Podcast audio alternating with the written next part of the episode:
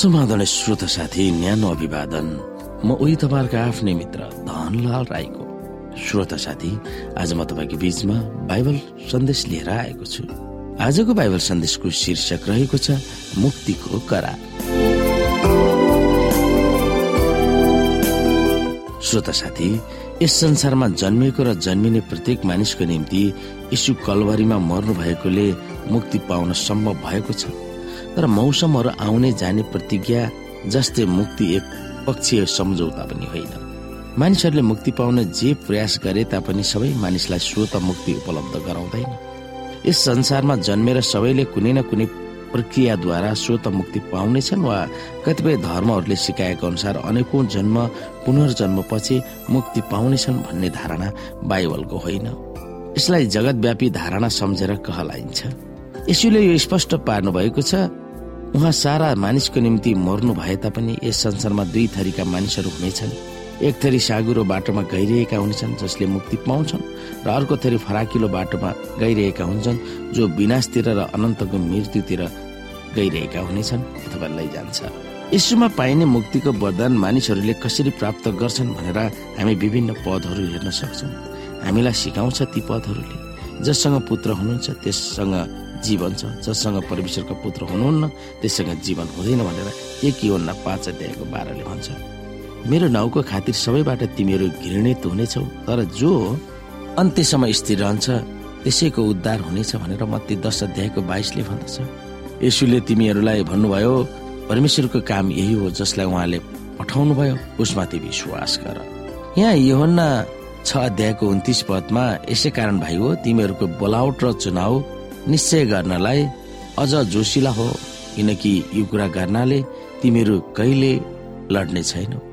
किनभने यसरी हाम्रा प्रभु र मुक्तिदाता यशु ख्रिसको अनन्त राज्यभित्र तिमीहरूलाई भव्य स्वागत प्रवेश मिल्नेछ। पत्रोस एक अध्यायको दसदेखि एघार। श्रोत साथी मुक्ति भनेको द्विपक्षीय सम्झौता वा करार हो भन्ने ज्ञान पावलले बुझेका थिए। आफूलाई छिट्टै मारिनेछ भन्ने कुरो पावललाई थाहा थियो। उनका धेरै मित्र तथा सहकर्मीहरूले उनलाई त्यागेका पनि थिए। त्यही पनि मुक्तिको निम्ति आफ्नो तर्फबाट गरिरहनु पर्ने जिम्मेवारीलाई पूरा गरेको भनेर उनको प्रिय मित्र तिमेथुलाई यो सुनाएका थिए। किनभने म त बलिको रूपमा अर्पण हुन लागेको छु र मेरो विदाईको बेला आएको छ। मैले उत्तम लडाई लडेको छु मैले दौड सिद्ध्याएको छु मैले विश्वासलाई बचाइराखेको छु। अब उपरान्त मेरो निम्ति धार्मिकताको मुकुट राखिएको छ। जो धार्मिकताका न्यायाधीश प्रभुले त्यस दिन मलाई दिनुहुनेछ र मलाई मात्र होइन तर उहाँको पुनरागमन प्रिय मान्नेहरू सबैलाई दिनुहुनेछ। पावलले भन्दछन् म अब मर्न तयार छु। मैले लड्नु पर्ने उत्तम लडाई लडिसकेको छु। मेरो दौड सकियो। मैले विश्वासलाई साँची राखेको छु। मुक्ति भनेको व्यवस्था पालन गरेर होइन विश्वासद्वारा मात्रै पाइन्छ भन्ने कुरामा पावल जिकिर गरेका थिए। यहाँ उनी आफ्ना काम वा उपलब्धिहरू परमेश्वरको निगाह पाउन होइन भन्ने पक्षमा भएको देखाएको त छैन। उनको निम्ति धार्मिकताको मुकुट पर्खिराखेको छ भन्दा यसुको धार्मिकतालाई औल्याउँदछ। आफ्नो जीवनको अन्तिम घडीसम्म विश्वासद्वारा यसुको धार्मिकतालाई पक्रिराखेको भनेर उनले दावी गर्दछन्। मुक्ति भनेको कुनै धर्म कर्म गर्दै दावी गर्ने उपहार नभए तापनि त्यस उपहारलाई स्वीकार्ने र नस्वीकार्नेको बीचमा के भिन्नता छ? जब हामीले त्यो उपहार हामी ग्रहण गर्छौँ तब हाम्रो पक्षबाट के गर्न अपेक्षा गरिरहेको छ। त्यो कुरा हामी बुझ्न सक्छौँ। यो निकै नै मिठो र सान्दर्भिक भनाइ पावलले हामीसँग पस्कन्छन्। हामी फेरि पनि हेर्न सक्छौँ। दुई तिमेथी चार अध्यायको छदेखि आठसम्म। किनभने म त बलिको रूपमा अर्पण हुन लागेको छु र मेरो विदाईको बेला आएको छ। हो यहाँ भनिएको छ मैले उत्तम लडाई लडेको छु मैले दौड सिद्ध्याएको छु मैले विश्वासलाई बचाइराखेको छु। हामीले त्यो विश्वासलाई बचाइराख्न सकेका छौँ कि छैनौँ? अब उपरान्त मेरो निम्ति धार्मिकताको मुकुट राखिएको छ।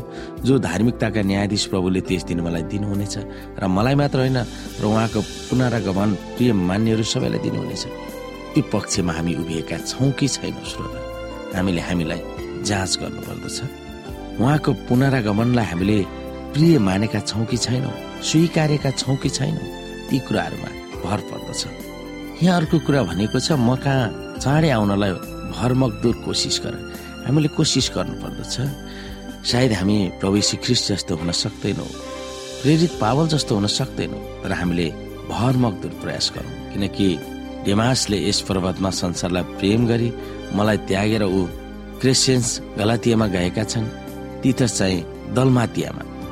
हामी यो कुरामा विश्वास गर्नुपर्दछ र मानिसहरू आज सत्य कुराहरूदेखि तर्किएर जानेछन्।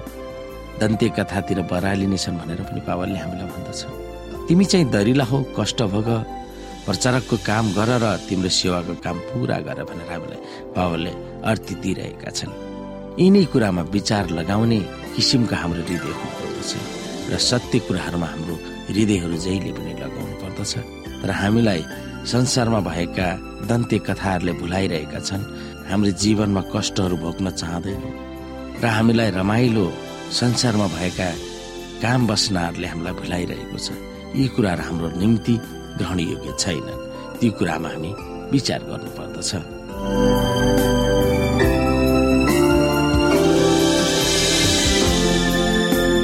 श्रोता साथी आजको लागि बाइबल सन्देश यति नै। हस्त नमस्ते। जय मसिंह।